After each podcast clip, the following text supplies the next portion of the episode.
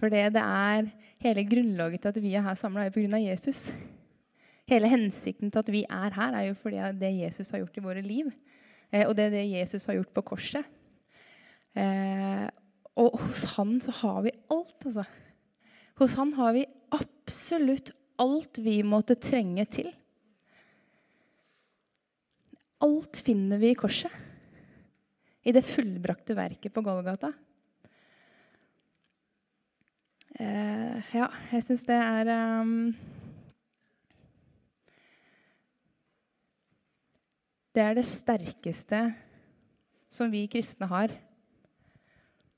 Om alt annet faller, så kan ikke det falle. Det står fast. Det er vår klippe, det er vår grunn, det er vårt fundament. Det er hele vårt feste, holdt jeg på å si. um, ja, Jesus han er uh, verdens beste. Takk, Alice. Her er ungdommene godt trent, ser dere? Veloppdragne ungdommer. ungdommer. Jeg har vært uh, veldig spent og veldig nervøs. Jeg pleier ikke alltid å være så nervøs. Eh, jeg pleier ikke å bli så Det er lenge siden. er liksom, Jeg husker liksom flere år tilbake, sånn de første gangene jeg prekte. Da var jeg nervøs. Eh, men så blir man jo litt vant til å tale. Liksom, blir vant til å stå her. Men nå kjenner jeg at jeg er litt nervøs. Så jeg har, Du blir tørr i munnen ikke sant? når du blir nervøs. Så jeg drikker jo masse vann. Og jo mer vann du drikker, jo mye må du fly på do. Så jeg håper bare at det, det her går fint. det går fint. Så jeg får passe på vannglasset så at jeg ikke drikker opp hele med en gang. Men fantastisk å se dere. Eh, og eh, det er jo egentlig en ære å få lov å stå her. Men jeg har også en veldig ærefrykt frykt til Gud. Eh, fordi det er jo, Man føler på et ansvar. Ida sa det sist. Man føler på et vanvittig ansvar når man står her og taler. Eh, fordi man skal gi noe. Eh, og det jeg vil gi, er jo noe som er fra Gud, og ikke som er fra meg. Så jeg, jeg både ber og har bedt om at Den hellige ånd skal lede det jeg sier i dag. Eh, så jeg ber nå, Gud, at du bare skal ta de ordene mine. Jeg takker deg for at du skal lede meg alt jeg sier. Jeg takker deg for alt det som du har ledet meg til i forberedelsene. Jeg ber om at det skal være dine ord og ikke mine. Jeg setter meg sjøl til side nå og ber om at du Elian, skal bare komme. Og jeg ber, takker deg for at du er den som åpenbarer ordet ditt for oss alle sammen. I Jesu navn. Amen. Jeg, jeg, tenkte å lese en del i dag fra verdens kuleste bok i Bibelen, syns jeg. Og det er Apostlenes gjerninger. Grunnen til at jeg syns det er verdens kuleste bok, er fordi at det, det, er så mye actionfullt i den boka. Jeg vet at Gutta de, sånn, de liker action, og de liker liksom biler som har ekstra turbo. ikke sant, og alt dette her. Eh, men jeg gjør det, jeg òg, altså. Selv om jeg er dame. Eh, og vi vet at eh, hadde, det her har jeg hørt fra en annen enda, som sa det at eh, Det er kult med bil, men når du setter på turboen, når du får kraft, når du får power, når du får power i den bilen, da da er det ingenting. Da er det, det er fantastisk. Liksom. Det, er, det er kule greier. Og så kobla han fyren da, som delte det her, om til kristenlivet. For når vi blir fylt med Den hellige ånd, så får vi power. Vi får kraft til å leve det livet som Gud har kalt oss til å leve. Og det er et actionfylt liv, det. Det er kult, det. Så kristentlivet er ikke uff og akk og og huff. Jeg vet, mange, jeg vet at vi kan møte på utfordringer som troende. Kanskje andre utfordringer som, eller det er andre utfordringer som andre mennesker ikke møter på. Det, det, det møter vi. Men det er ikke det er ikke sånn åh, det er forferdelig å være kristen, altså. Jeg hører noen har sagt det, fordi uff, det er så trøblete. Men da tror jeg du mangler noe. Da tror jeg du mangler Den hellige ånd. Fordi Gud har gitt oss Den hellige ånd for at vi ikke skal være farløse. For at vi skal ha kraft til å være vitner, vi skal ha kraft til å leve livet som troende. Det er rett og slett eh, Vi sier power, men jeg liker å si power. Jeg liker å si power på engelsk. Ja. Eh, jeg begynner Apostlenes gjerninger i 1, kapittel 1.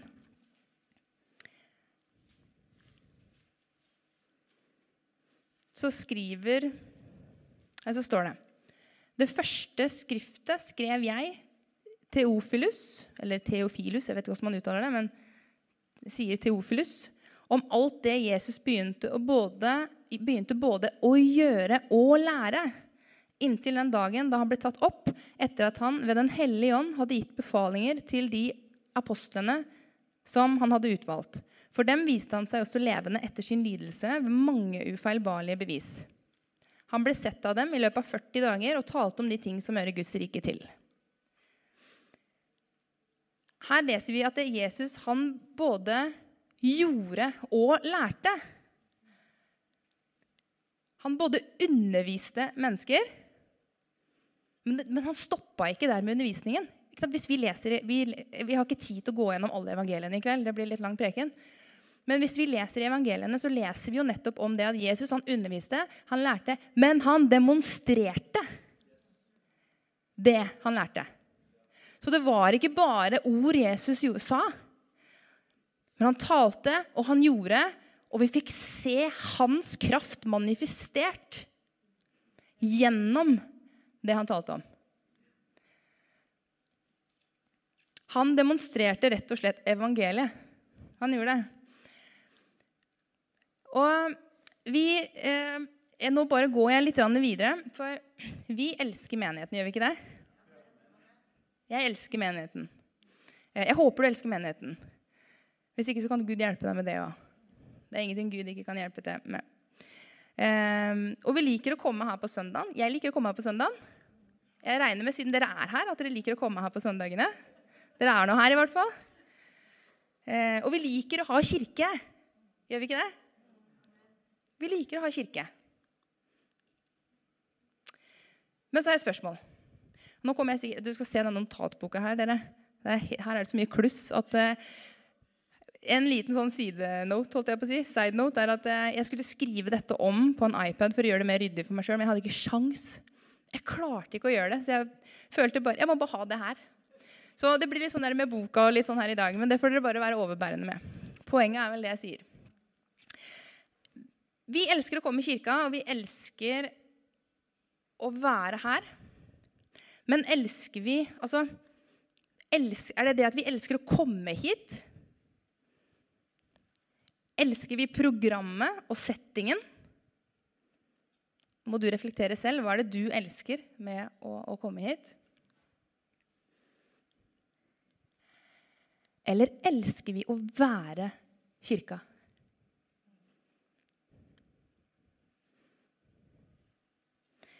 Jesus sier at, eh, han sier I Matteus 16, 13-20 så sier Jesus det at eh, han sier til Peter, 'Jeg vil bygge min menighet på deg, Peter.' Og helvetes krefter, eller det står vel dødsrikets porter, tror jeg kanskje. hvis det er i den bibelen Jeg har. Jeg liker å si helvetes krefter, for det går for det samme. Jeg eh, skal ikke ha makt over den. Så hvis jeg, Jesus sier at han ville bygge sin, han ville bygge sin menighet han, på Peter Og, og når jeg leser og prøver liksom å se hva er oppskriften på alt dette her, da, så finner jeg oppskriften her i apostlenes gjerninger. Og det er det jeg syns er så kult, fordi at eh, Jesus har en oppskrift for oss, for deg og meg, på, på dette her med menighet. Eh, og vi ser i apostlenes gjerninger at vi har kirken som Gud bygger på oss. Fordi vi skal være kirka. Vi er kalt til å være kirka. Det er du og meg. Så når vi kommer sammen, så sier vi jo det at det, nå, her er kirka. Det er jo ikke, er jo ikke Betania-bygget. Det er jo ikke, det er jo ikke, Vi kan jo sitte på gata ikke sant, vi, og være to eller tre samla. Jesus er midt iblant oss. Det er vi, det er du og jeg som er menigheten. Eh, og vi ser i apostlenes gjerninger når vi leser, Vi har heller ikke tid til å lese hele den. Eh, men jeg, når jeg ser ut her, så ser jeg at det er veldig mange fleste her har lest Bibelen sin. og og, det, og vi leser at det, kirken og, hånd, og ånden går hånd i hånd. Kirken, eller menigheten, og ånden går hånd i hånd. Vi leser i, for eksempel, i, i eh, på Apostlenes gjerninger 2 så leser vi om pinsedagen. Hvor eh, alle sammen var eh, samla der av, av apostlene. Og, og de blei fylt med Den hellige ånd. I apostlenes gjerninger går jeg litt kjapt igjennom de. Eh, 4, 29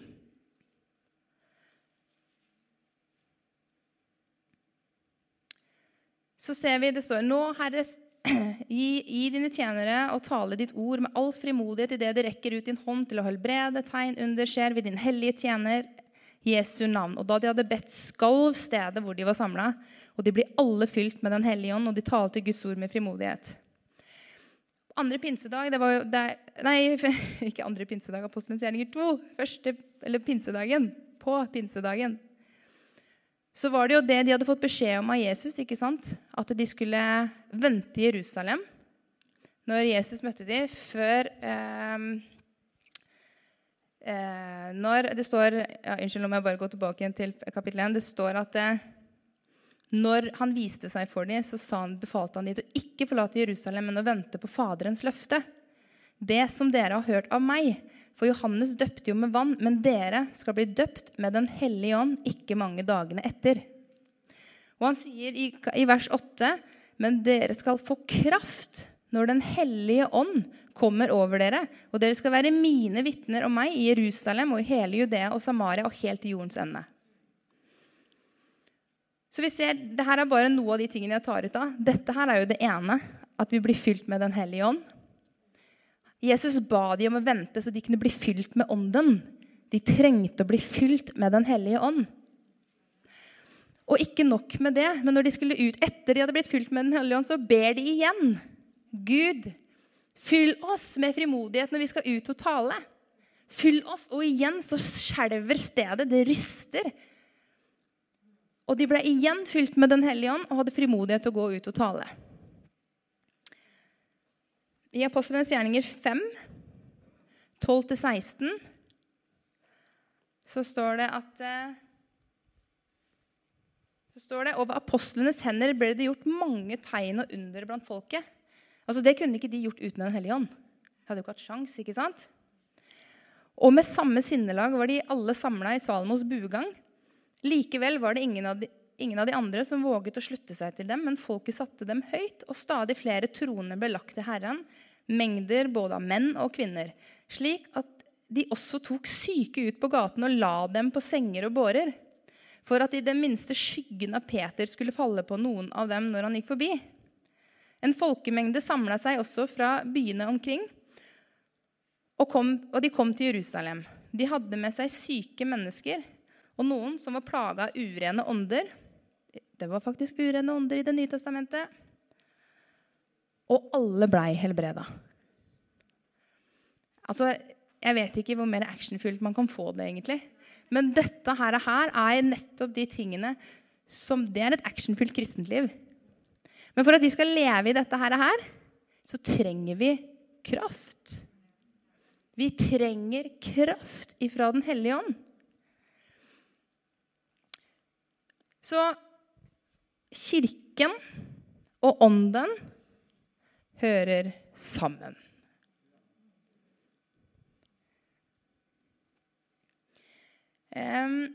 Jeg har hørt eh, og sett noe selv, men jeg har både hørt og sett at det er flere eh, moderne menigheter i dag, da, i dagens samfunn, som har klart å separere det som har med ånd og kirke å gjøre. Det er kjempesynd. Fordi det, det, er akkurat som ånden på en måte har blitt en sånn trussel. Trussel for oss mennesker. Eh, at det har blitt, en, blitt litt sånn eh, For å bruke et eksempel Si at det ligger ti stykker rett ut av åndens kraft her på gulvet. For du skjønner at noen ganger når Den hellige ånd kommer, så kan det skje. Det kan også skje at du faktisk bare sitter rolig og bare er så fylt av Guds fred som du aldri før har vært i hele ditt liv. Så jeg sier ikke at du må ligge her, slått ut i gulvet. Det kan godt være at du sitter bare i Guds fred. Så ikke lage noe fasit på det. Men det kan være at det ligger ti stykker rett ut i åndens kraft. Og jeg har hørt mange mennesker si sånn kan vi ikke ha det. Vi kan ikke la de ligge her på gulvet. Hvem tror du vil komme inn her da? Hvem tror du skal bli frelst da? Ser folk liggende rundt her. For i våre menneskelige tankegang og våre menneskelige meninger så er det så fort gjort å se på det menneskelige. For det er jo det vi ser. Det ser kanskje ikke så bra ut at det ligger ti stykker rett ut på gulvet. Det er ikke sikkert det ser så veldig fint og flott ut. Hvis jeg har vært med å be for mennesker som er demonbesatt, og det er ikke et vakkert syn. Når spytta renner og spyet renner og de kaster opp, og det er ikke et vakkert syn, men fytti og vakkert det er når du får se det verket Jesus gjør i dem, når det er en lampe på innsida som tennes, og du ser de stråler etterpå fordi de er blitt satt fri. Og dette er Den hellige ånds verk. Dette er ikke et menneskeverk. Og derfor så må vi ikke og kan vi ikke skille det som har med ånd og menighet å gjøre.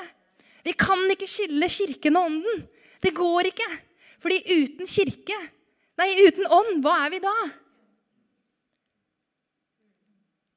Og ånden uten menigheten går jo ikke, for Jesus har jo sagt at 'jeg vil bygge min menighet på deg'. Så vi kan ikke skille de. Vi kan ikke si 'jeg elsker kirken, men jeg elsker ikke ånden'. Eller motsatt. Det handler ikke om å finne en type stil i kirka som mennesker, mennesker liker. Eller som folk liksom ønsker å komme til. For vi, vi er Nå setter jeg det på spissen.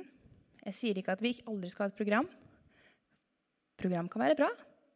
Program kan være ledd av Den hellige ånd, det. Men det handler ikke om hva vi klarer å få til.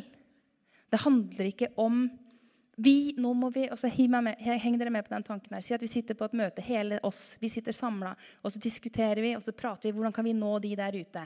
Hvordan kan vi nå mennesker der ute med Jesus? Hvordan kan, vi, kan mennesker komme så de kan bli satt fri, og at de kan få oppleve det som vi har fått opplevd, og ikke minst bli frelst fra evigheten?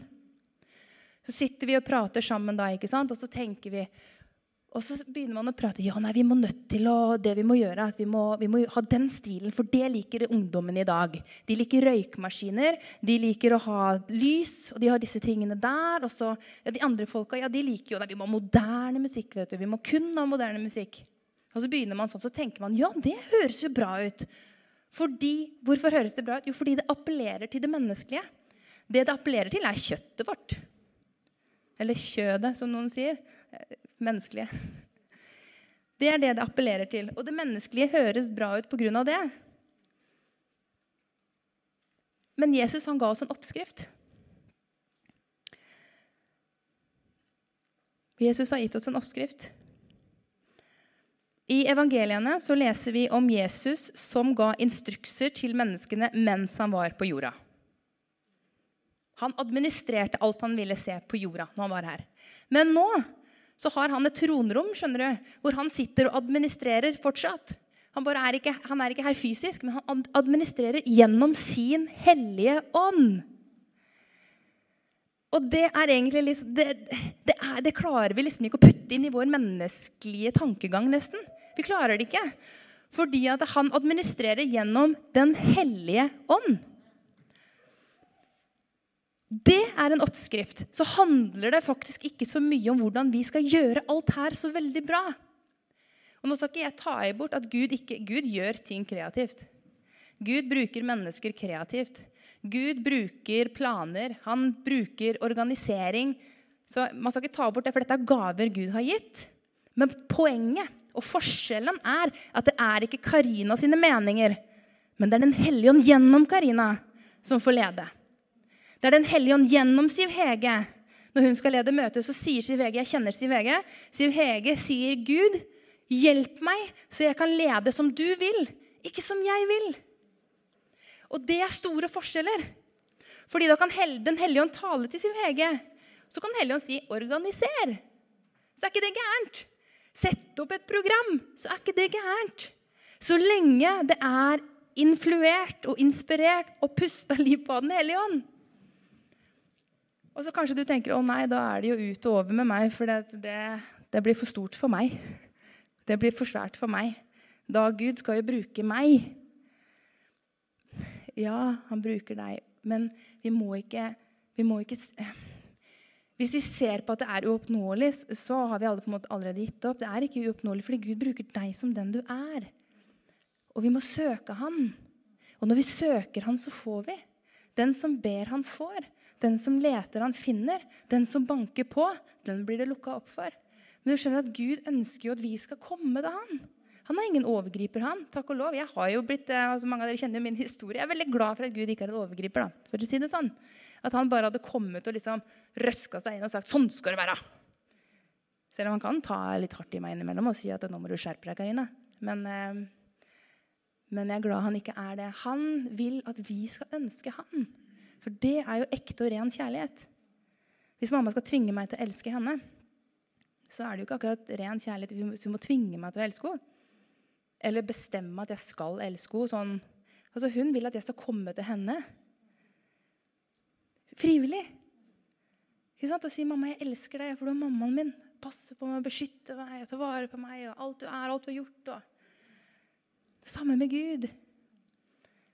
Samme med Gud. Tenk at mennesker på den tida i apostlenes gjerninger, der ble det vekkelse på én dag. 3000 mennesker ble tillagt menigheten på én dag. Én dag! Og de hadde ikke teknologi engang.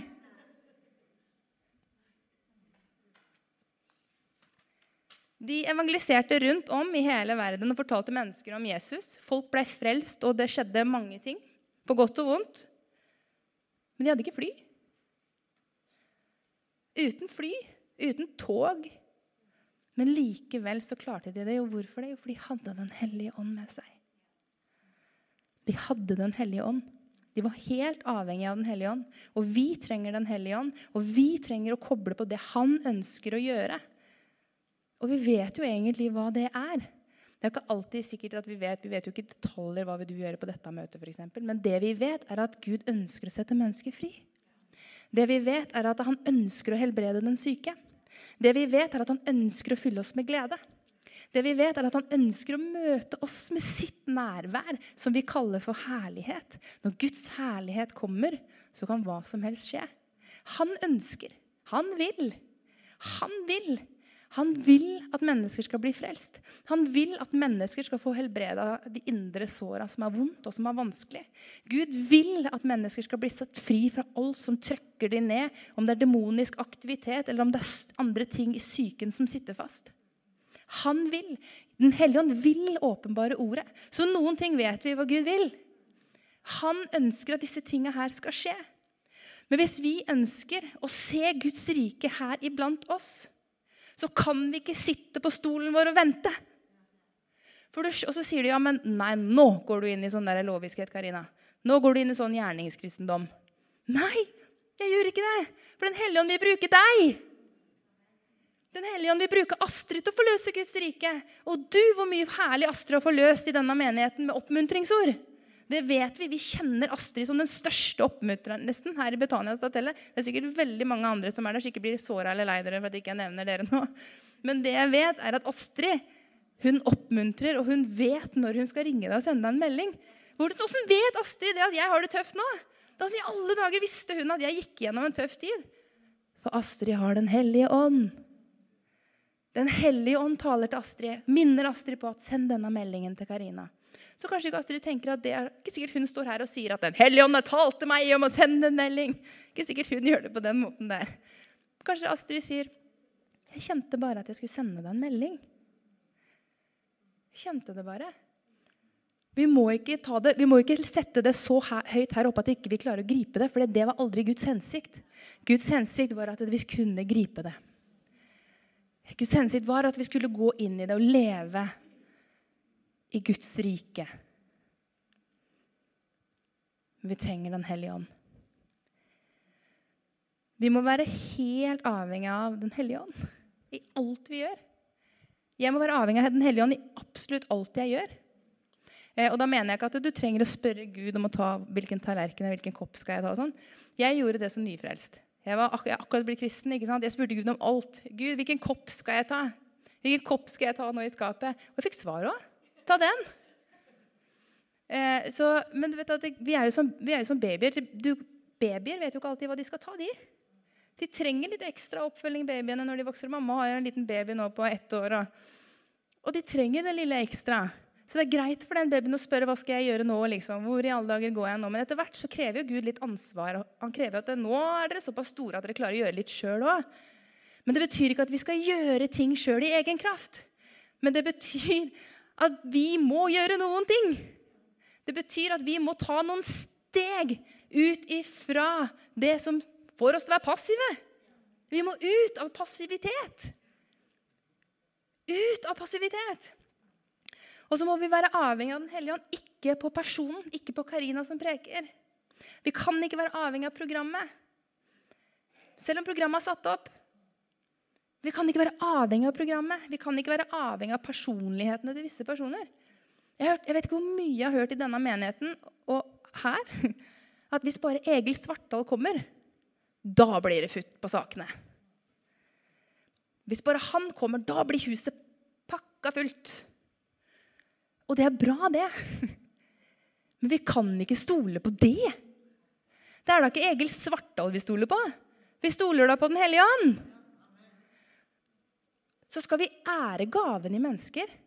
For kanskje Den hellige ånd sier til Fernando inviter Egil Svartdal, for dere trenger den gaven på Betania Statelle. Men da er det leda av ånden. Det er, fort, da er det ledet av Den hellige ånd. Det er et ord Fernando har fått av Den hellige ånd. Men det er ikke bare hans menneskelige tankegang. Dette her er, dette her er litt sånn Det er egentlig en skole å gå med Gud på. Hva er meg, og hva er du, Gud? Men vi må begynne å gå. For Hvis ikke vi begynner å steppe ut og begynner å prøve og begynner å, Sånn som et barn som skal lære seg å gå. Hvis ikke vi begynner, da Hvordan skal vi lære å gå? Skal vi bare sette oss Nei, vi lærer jo ikke å gå da hvis vi ikke prøver. Den hellige ånd skal hjelpe oss alle disse tinga. Men vi må være avhengig av å lede av Den hellige ånd i alt vi gjør alt vi gjør. Ikke min karisma. Jeg har hørt folk har sagt det er så fint når Karina skal stå der oppe, for hun er så karismatisk. Det handler jo ikke om det. Det handler jo ikke om hvor høyt jeg hyler, høyt jeg roper, høyt jeg hopper. Eller hvor lite jeg hyler og lite jeg hopper. Kan det være en annen person som er veldig stille? Kanskje jeg, Noen sier at ja, vi, må ha, vi må ha det stille. Jeg liker å ha det stille. Jeg liker ikke å ha det så høylytt på møtene. Men det handler ikke om det. Vet du at Den hellige ånd kan bruke Se meg og Malene, da, som er så forskjellige. Jeg er jo kjempeenergisk ikke sant? og prater høyt og vil helst ha ordet. Liker oppmerksomhet. Malene liker ikke oppmerksomhet. Hun kan godt sitte for seg sjøl, trekke seg litt tilbake igjen, og så snakker hun når hun føler hun trenger det. Tror du Den hellige ånd bruker meg mer enn Malene? Tror du Den hellige ånd bruker Malene mer enn meg? Den hellige ånd bruker oss like mye hvis vi vil. Det handler ikke om vår personlighet, vår karisma, min styrke, mine muligheter, min kommunikasjon. Hvis vi leser i Apostlenes gjerninger 4.13, så står det 4.13 så står det Da de så Peter og Johannes' frimodighet og skjønte at de var mennesker uten utdannelse og opplæring, så undret de seg. Og de kjente dem igjen, at de hadde vært sammen med Jesus.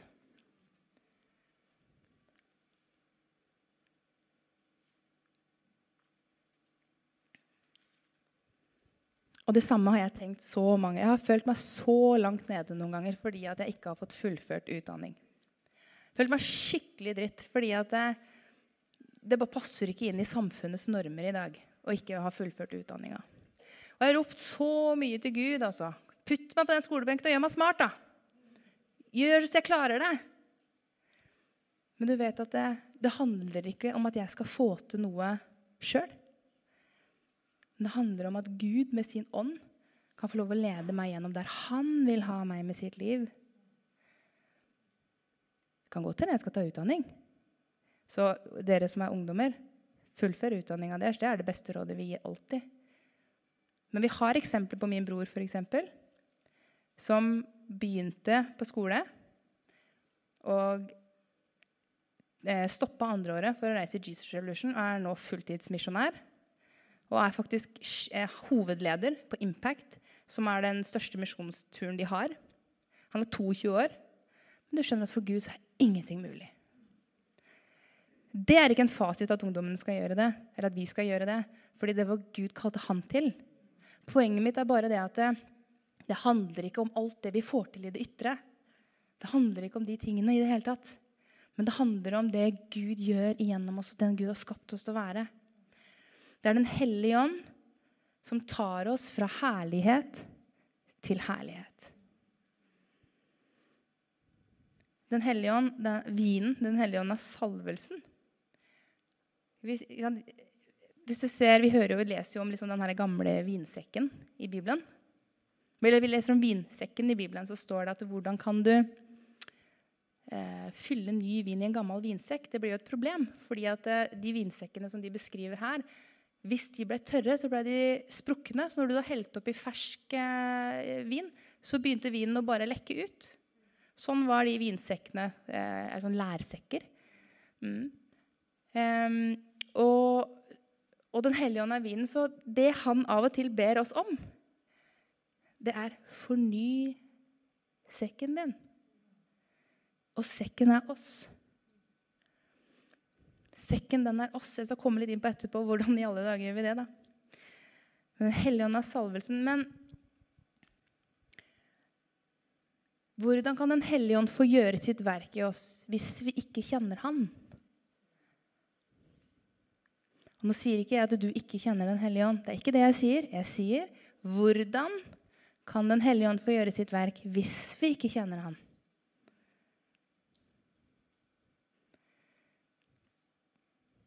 Vi må bli kjent med Guds ånd. Vi må bli kjent med Jesus. Og jeg har tenkt på det så mange ganger. Jeg har fått lov å være med dere vet, jeg har fått lov å være med å be for så mange mennesker som har blitt helbreda. Så mange tegn og under som har skjedd. Vant til at folk kan falle i Guds kraft. og alt dette her. Men hva er det i forhold til det å kjenne Jesus? Og Jesus sa jo det. Mange skulle si 'Herre, Herre', men ikke komme inn. Og de skulle si 'Men vi har jo gjort alle disse tegnene, alle disse tingene i ditt navn'. Vi har, gjort, vi har jo drevet ut onde ånder. Vi har jo helbreda de syke. Men så sier Jesus men kjenner dere jo ikke.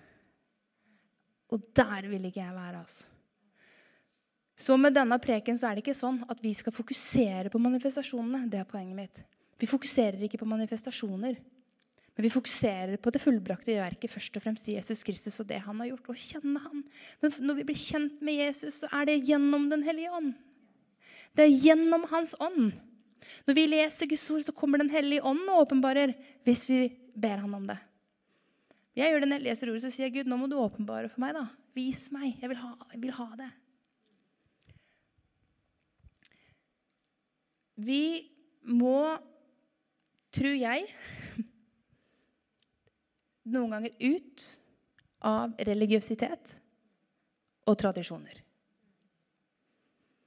For jeg tror at disse to tingene de går litt hånd i hånd. Ofte står i veien for at Den hellige ånd skal få lov å bevege seg.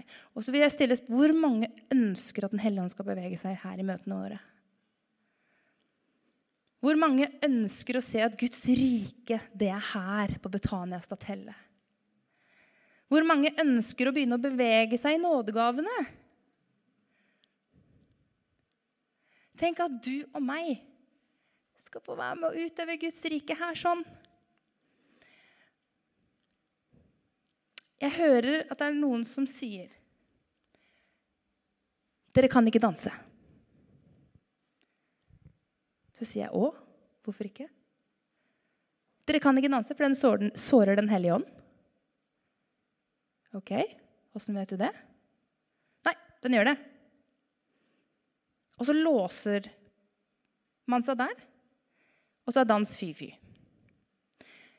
Og så tenker jeg, Når jeg leser i Bibelen, så ser jeg jo David. Han dansa jo som en gal. Det står at han dansa som en gal. Det, sto at han, ga, det står han dansa med all sin makt. All sin kraft. Men jeg skjønner kanskje tankegangen bak det. Hvis vi ser på hvordan dans er ute i verden i dag, på musikkvideoer, altså på, på popartister og sånn, så tenker jeg aldri i verden om vi skal ha det inne i kirka. Fordi det er veldig seksuelt, og det er veldig forførende. Mesteparten av den dansen som er på musikkvideoer i dag, er seksuelle danser. Det, det, er ikke noe, det ser man. Det tror jeg dere ungdommer ser også. som ser mye på musikkvideoer og sånn. Så jeg skjønner tankegangen bak, men betyr det at all dans da er dårlig? Djevelen er en løgner. Dans var jo noe som David kunne få lov til å uttrykke. Lovprisning til Gud gjennom. Og det samme kan vi. Poenget mitt Hva er poenget ditt med dette, Karina? Poenget mitt er at dette er, kan fort bli religiøsitet. Det blir fort at vi sitter i benkeraden sånn her som dette. Nå kommer dans, ja. Ja. Nei. Dette er det jeg kan ha. Og så blir man og peker på det. Og så blir man en fariseer i menigheten. Har vi da lyst til å være farisere, da? Vi leser jo om fariserene som, som, som, hvordan de oppfører seg i, i, i Guds ord.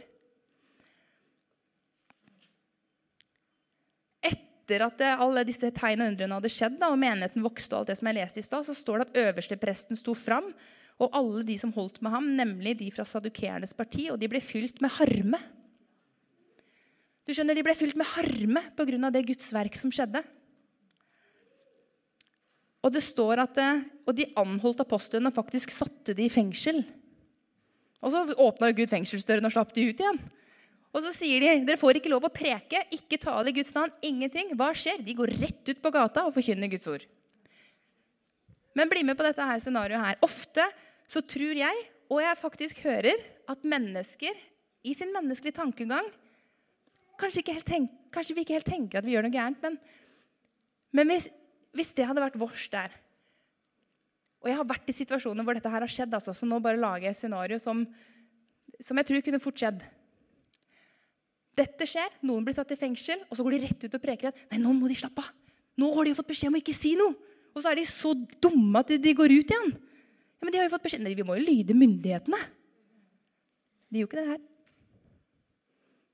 Det betyr ikke at vi aldri skal lyde myndighetene, for det skal vi. Men det står hva er rett? Å lyde Gud mer enn mennesker. Så det finnes faktisk steder i Bibelen hvor de bryter med noe som er lov. Poenget mitt er at vi i vår menneskelige tankegang har så lett for å tenke menneskelig. Istedenfor å søke til Gud hva gjør du i dag? Hva gjør du i dag? Hva gjør du i dag, Gud?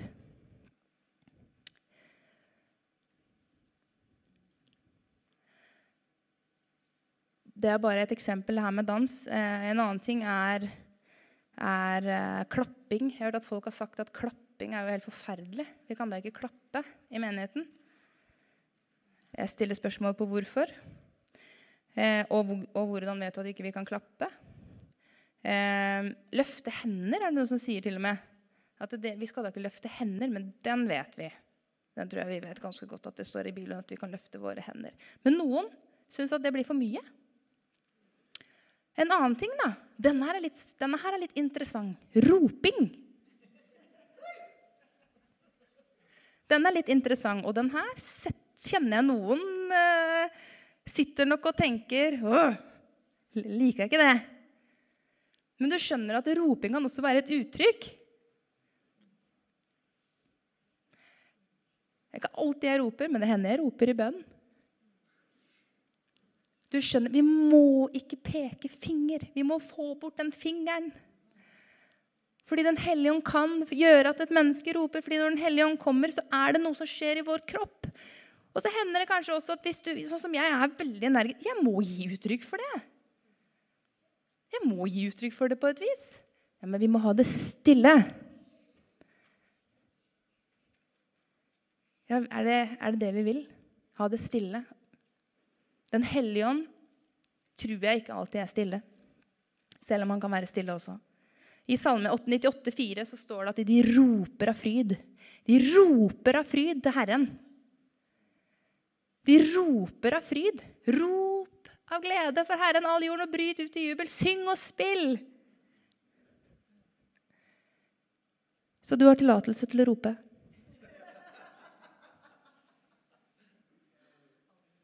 I første test 5.19 så står det 'utslokk ikke ånden'. Jeg tror det er litt disse tingene her jeg tenker på. Utslokk ikke ånden kan være i ditt eget liv, hvordan du lever med Gud og alle disse tingene her. Men jeg tror også det handler om når vi samles her. også Når vi samles som menighet, slokk ikke det Den hellige ånd ønsker å gjøre. For du og meg kan ikke gjøre noe i oss selv. Du og meg får ikke til en eneste ting i oss sjøl. Men Den hellige ånd ønsker å gjøre et verk gjennom oss. Jeg ser at tida går, så nå skal jeg prøve å få runde av i alle mine papirer. Elisabeth, du kan godt få lov å komme opp og begynne å spille litt, for det syns jeg er så herlig. Um, hele fokuset til menigheten bør være den oppstandende Kristus. Det har vi snakka om. Det jeg i stad. Første fokus er Jesus Kristus. Ikke sant? Ikke min plattform, ikke din plattform, ikke alle prekene, og alt dette her, men det er Jesus Kristus som er den første. Det skal være vanlig med helbredelser fordi vi vet at Jesus Kristus har tatt vår sykdom på korset. Det skal være vanlig at, som jeg sa i sted, at mennesker skal bli satt fri fra undertrykkelse. Og vanlig med møter av Gud og alle disse tingene her. Av det verket Jesus har gjort. Men hvordan skjer disse tingene her iblant oss? Skjer det med at vi sitter bare stille? Nei. Det skjer med at vi begynner å praktisere det Gud har sagt at vi skal praktisere. Det skjer når vi begynner å legge hendene på de syke, og de skal bli friske.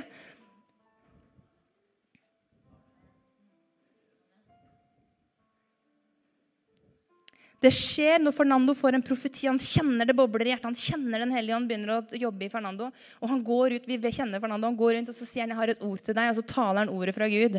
For han profeterer. Kommer Den hellige ånd med en profeti uten et menneske? Gud bruker mennesket. Men så bruker han ikke bare lederskapet.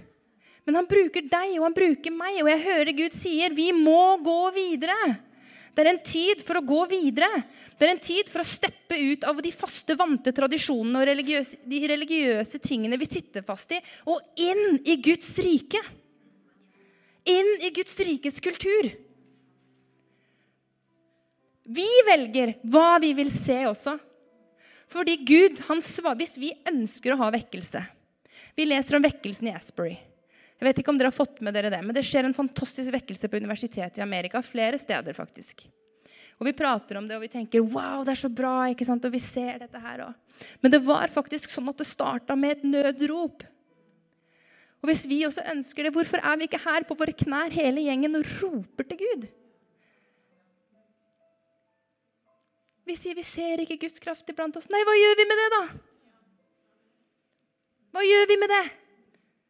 Herren vil. Gud vil. Gud vil helbrede deg fra din sykdom. Han vil sette deg i frihet. Og så har vi kanskje ikke kommet langt nok til å steppe inn i alt dette her enda, men vi er nå på vei. Og så begynner vi. Og så skal Den hellige ånd lære oss å trene oss skritt for skritt hvor vi skal gå, og hva vi skal gjøre. Og så har vi et fantastisk lederskap som omfavner oss, og som hjelper oss. Hvem er det vi er avhengig av? Vi må steppe ut og steppe opp i Guds kraft. Vi må ta ris risker. Risker, er det et ord? Risker. Vi må ta risker. Vi må ta risk. En risiko. Risker. Vi må faktisk risikere noen ting. Vet du hva vi risikerer? Vi dør. Vi dør i oss selv. Når jeg skulle opp og ta, når jeg sa i stad at jeg var nervøs, når jeg skulle opp her i stad, så gikk jeg ned til Malene og så sa jeg, nå dør jeg. Jeg dør. For det er det jeg føler, at jeg dør. Men det er det Gud vil. Det er det Gud ønsker å ha oss. Gud ønsker at vi skal dø i oss sjøl, så han kan få lov å utføre det han ønsker å gjøre. Gud ønsker at vi skal dø i våre egne meninger og tanker og følelser og alt. Og så ønsker han å gjøre sitt verk. Når vi tok imot Jesus, så døde vi. Når vi tok imot Jesus, så fikk vi et nytt liv. Vi er ikke lenger av denne verden, selv om vi er i denne verden. Vi er en ny skapning i Kristus Jesus. Til å leve et nytt liv med Han, med Den hellige ånd. Vi gravla det gamle i dåpen. Hvorfor i alle dager skal vi ta det tilbake? Vi skal leve i det som Gud Vi skal, vi skal være døde, rett og slett. Vi skal være døde, og så skal vi gå videre. Og dere skal være mine vitner når Den hellige ånd kommer over dere. Skal dere være mine vitner, og dere får kraft, og dere får autoritet. Dere får autoritet til å bevege dere. Dere får autoritet til å sette mennesker i frihet. Jeg tror ikke vi tror på dette fullt ut, for da hadde vi sett så mye helbredelser i denne menigheten. Vi sier vi tror på mirakler, men gjør vi egentlig det? Jeg beklager å stille det spørsmålet, men det stiller jeg til meg sjøl. Tror jeg egentlig på det? For hvis jeg hadde trodd på det, så hadde jeg bedt for det. Jeg hadde bedt for mennesker. Vi må være et folk helhjertet overgitt til å være lydig mot Jesus' sin befaling om å ta evangeliet ut i skapningen til hver nasjon. Det er derfor vi har fått kraft. Vi har fått et kraft til å være vitne. Eller så trenger vi ikke kraft. Vi har kraft ja, til å leve dette livet. Og jeg lurer på innimellom Hvis ikke du vil ha det her, så lurer jeg, lurer liksom på Kjenner man da Jesus? Hvis ikke man vil ha det her? Det er et hardt spørsmål. Det er et kjempehardt spørsmål. Det kan være ting som sitter fast. Men kanskje man faktisk må ta noen steg ut og bli kjent med sin Gud. Fordi jeg tror at når man har Den hellige ånd, så har man en nød, man har en lengsel etter å se mennesker frelst. Den hellige ånd bringer det her, de tinga fram i oss. De kom med forventning. Når de kom på pinsedagen, så kom de med forventning. De hadde fått beskjed om at det skulle komme et løfte. Derfor kan vi sitte her med forventning i dag om at Gud har sagt at han skal døpe oss med Den hellige ånd og ild. Men vil vi ha Den hellige ånd og ild? Ilden renser, vet du. Men det er det som er så fantastisk. Vi får Den hellige ånd, og så får vi Guds ild, som renser bort de tingene som ikke skal være der. Og jeg tror, det, jeg tror mange tar et steg tilbake da, fordi de er veldig komfortable med å være i det. Jeg er veldig komfortabel med å være i det. Jeg er veldig komfortabel av og til med å holde på ting. Når Gud sier at vi skal legge det fra oss.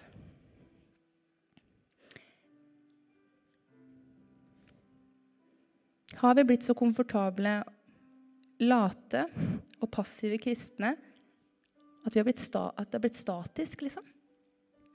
Fordi i Bibelen så betyr kraft Det kommer fra ordet dynamis. Det er noe som er i bevegelse. Det er ikke statisk. Det er noe som er i bevegelse. Vi skal være i bevegelse, dere. Vi skal være i bevegelse. Vi skal fortelle mennesker om hvem Jesus er. Vi skal fortelle mennesker Tenk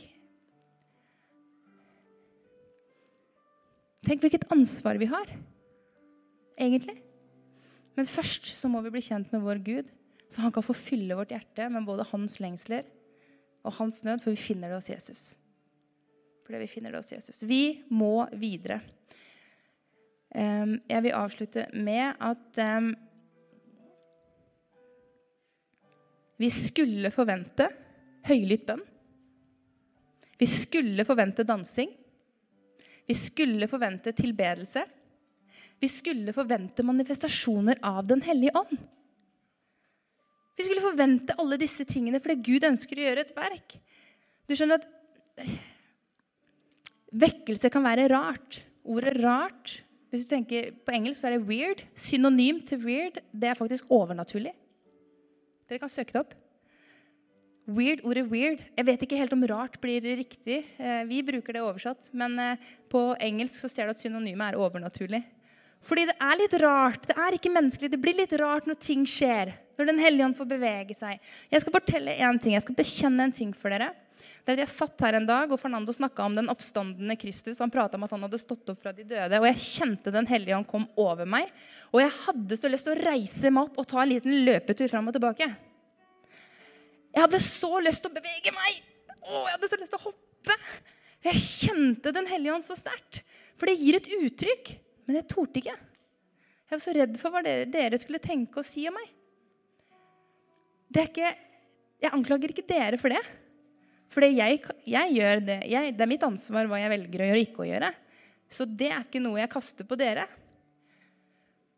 Men jeg tror det er flere som meg som er redd for å være fri.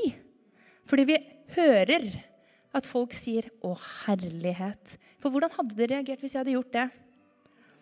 Hvordan hadde dere reagert hvis jeg hadde løpt fram og tilbake her? Hva var samtaleemnet deres etterpå med de vennene deres? Nå må vi omvende oss fra den munnen vår. Jeg mener det. Nå, må det være nok. Vi må omvende oss fra vår pekefinger og for alt det vi sier. Det er, det er meg òg. Det gjelder like mye meg.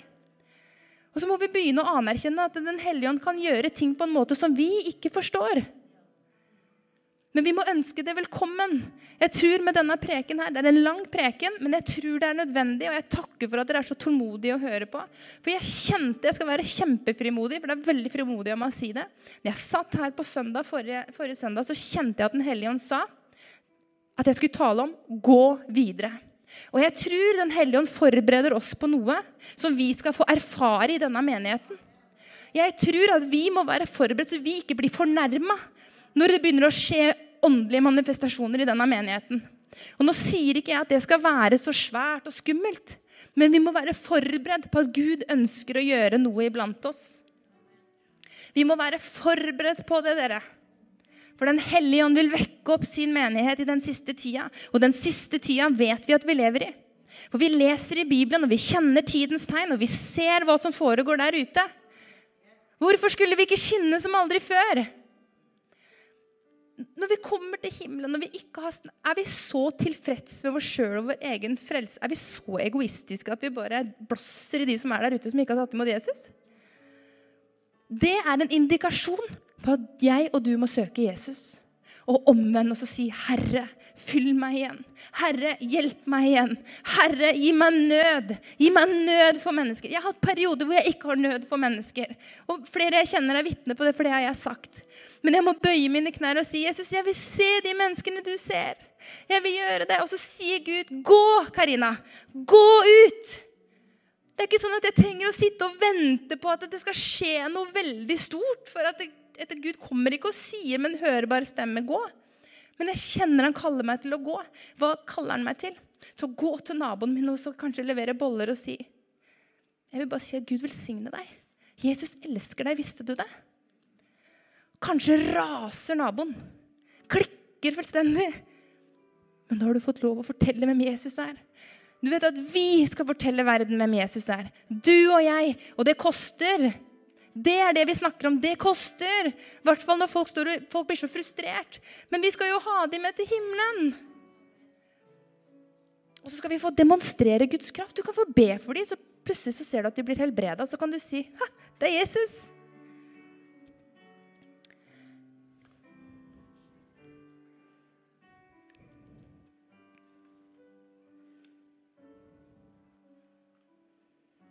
Vi må ta imot Den hellige ånd, og vi må ikke stå Den hellige ånd imot. Jeg tror vekkelsen den starter med deg og meg. Jeg tror vekkelsen starter med deg og meg. Og Grunnen til at jeg sier det, er fordi at når, når disiplene fikk beskjed om å vente i, i Jerusalem på Den hellige ånd, så hadde de en forventning, og de var i bønn. De var i bønn til Gud om at Gud skulle komme og fylle dem. Og den samme forventningen av bønnen tror jeg må starte hos oss. Herre, vi vil se vekkelse. Gud, vi vil se at mennesker blir frelst. Herre, vi vil ikke sitte fast i tradisjoner. Tradisjoner som forteller at vi skal komme inn, og så skal vi høre tre sanger, og så skal vi høre én preken, og så skal vi gå hjem. Det er en fin tradisjon, det. Men når Den hellige ånd kommer, skjønner du, så er det ikke sånn at preken nødvendigvis varer i 25 minutter. Nå har jeg preka i snart 50 minutter, og det er lenge. I know, det er kjempelenge. Men jeg må nødt til å få sagt disse tingene i kveld. Jeg må bare få sagt det. Jeg beklager hvis jeg har tatt tida di. Og jeg takker for at du er her enda. Men jeg har lyst til å invitere oss fram.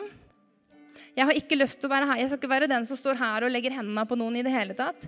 Jeg har lyst til å invitere oss fram til å ta et valg om å steppe ut ifra de tingene som binder oss. Er det noe som binder deg, så legger vi det på korset i dag.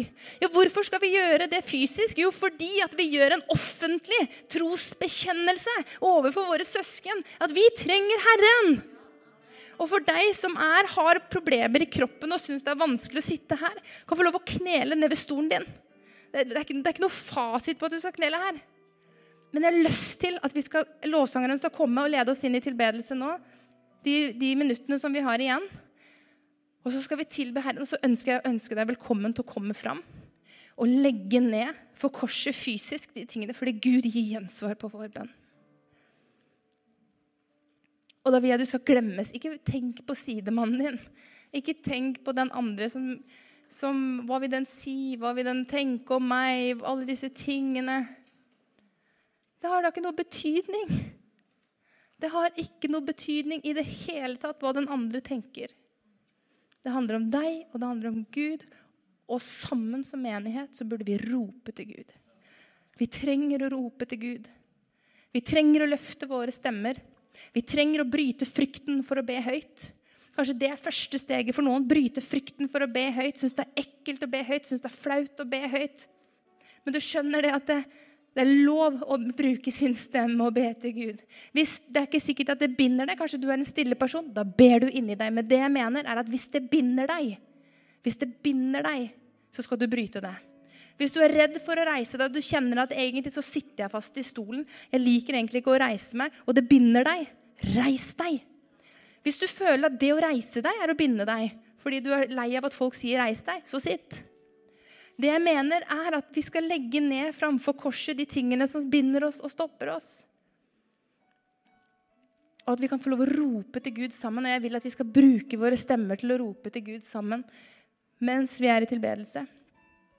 Så da ønsker jeg at dere bare skal få lov å komme fram. Så sitter vi sammen som ett folk.